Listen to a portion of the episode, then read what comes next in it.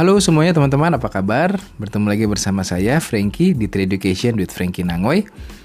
Eh, Di episode ke-8 kali ini saya akan membahas mengenai berapa sih sebenarnya modal yang tepat untuk memulai trading forex.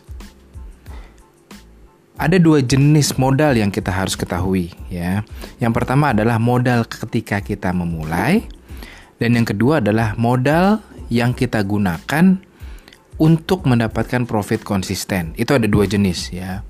Yang pertama, yang kedua dulu saya bahas yang kedua dulu. Yang kedua, modal yang kita gunakan untuk mendapatkan profit konsisten ini berarti adalah modal yang kita gunakan tidak berubah dalam jangka waktu tertentu dan kita bisa mendapatkan profit konsisten setiap bulan dengan nilai yang sesuai dengan apa yang kita inginkan ya, dengan tujuan kita. Jadi hasilnya sesuai dengan tujuan kita.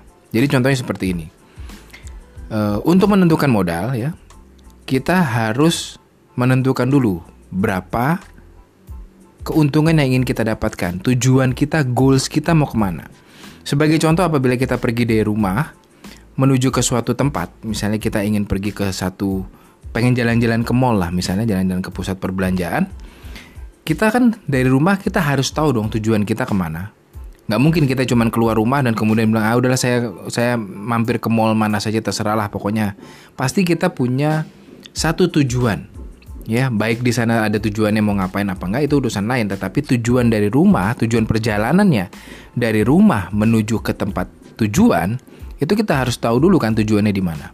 Begitu juga dengan trading forex. Sebelum kita mengeluarkan modal kita harus tahu dulu tujuan kita tuh mau apa ya. Misalnya kita ingin mendapatkan keuntungan setiap bulan itu rata-rata 10 juta sebulan.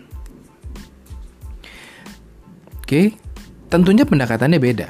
Berbeda dengan orang yang ingin mendapatkan keuntungan 2 miliar dalam satu bulan. Setelah itu saya stop. Gitu loh. Ada ada pendekatan yang berbeda di situ ya.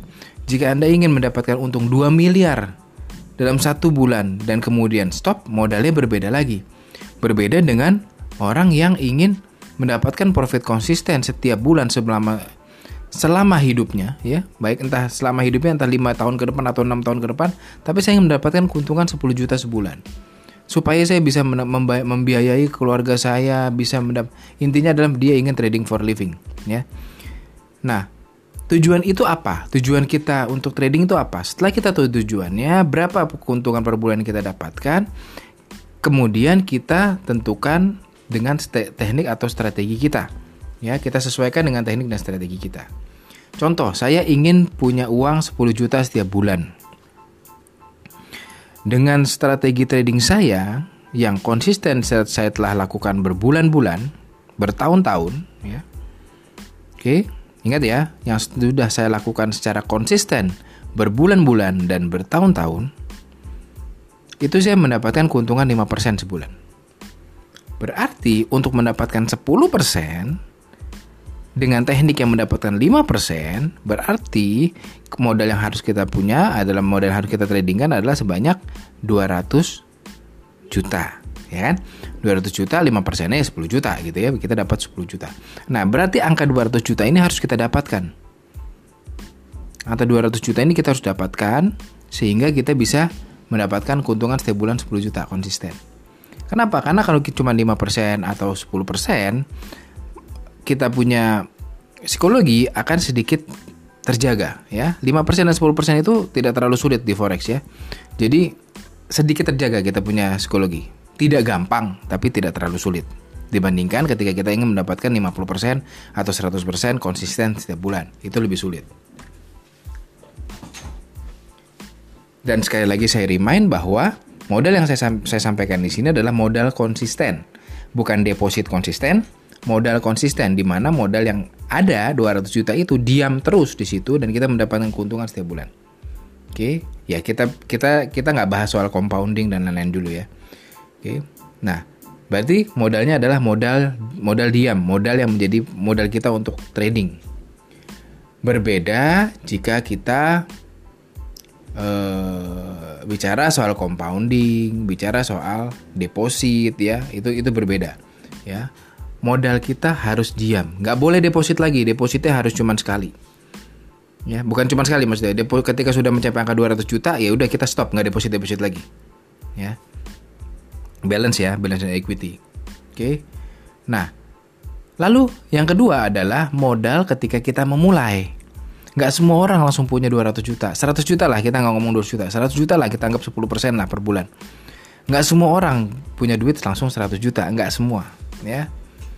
Lalu bagaimana caranya? Tentukan berapa modal yang kamu punya, berapa modal yang kita punya. Misalnya saya hanya punya 10 juta nih. Berarti sesuaikan dengan apa? Sesuaikan dengan targetnya. Jangan minta 10 juta. Karena teknik Anda cuma bisa 10%, berarti Anda harus maksimal 1 juta. Nggak boleh Anda minta 10 juta. Gitu loh. Meskipun Anda merasa bahwa tapi kan saya bisa mendapatkan keuntungan yang besar gitu ya di forex ya. Nah, bukan seperti itu ya. Jadi logikanya ada seperti itu. Jadi ketika Anda melakukan trading, ya ketika Anda mau melakukan deposit, misalnya punya 10 juta, Anda targetnya jangan 10 juta per bulannya. Turunkan menjadi 1 juta atau 500 ribu. Sesuaikan dengan teknik strategi kita. Lalu kapan saya sampai 10 juta per bulannya? Tunggu sampai modal Anda 100 juta sampai 200 juta.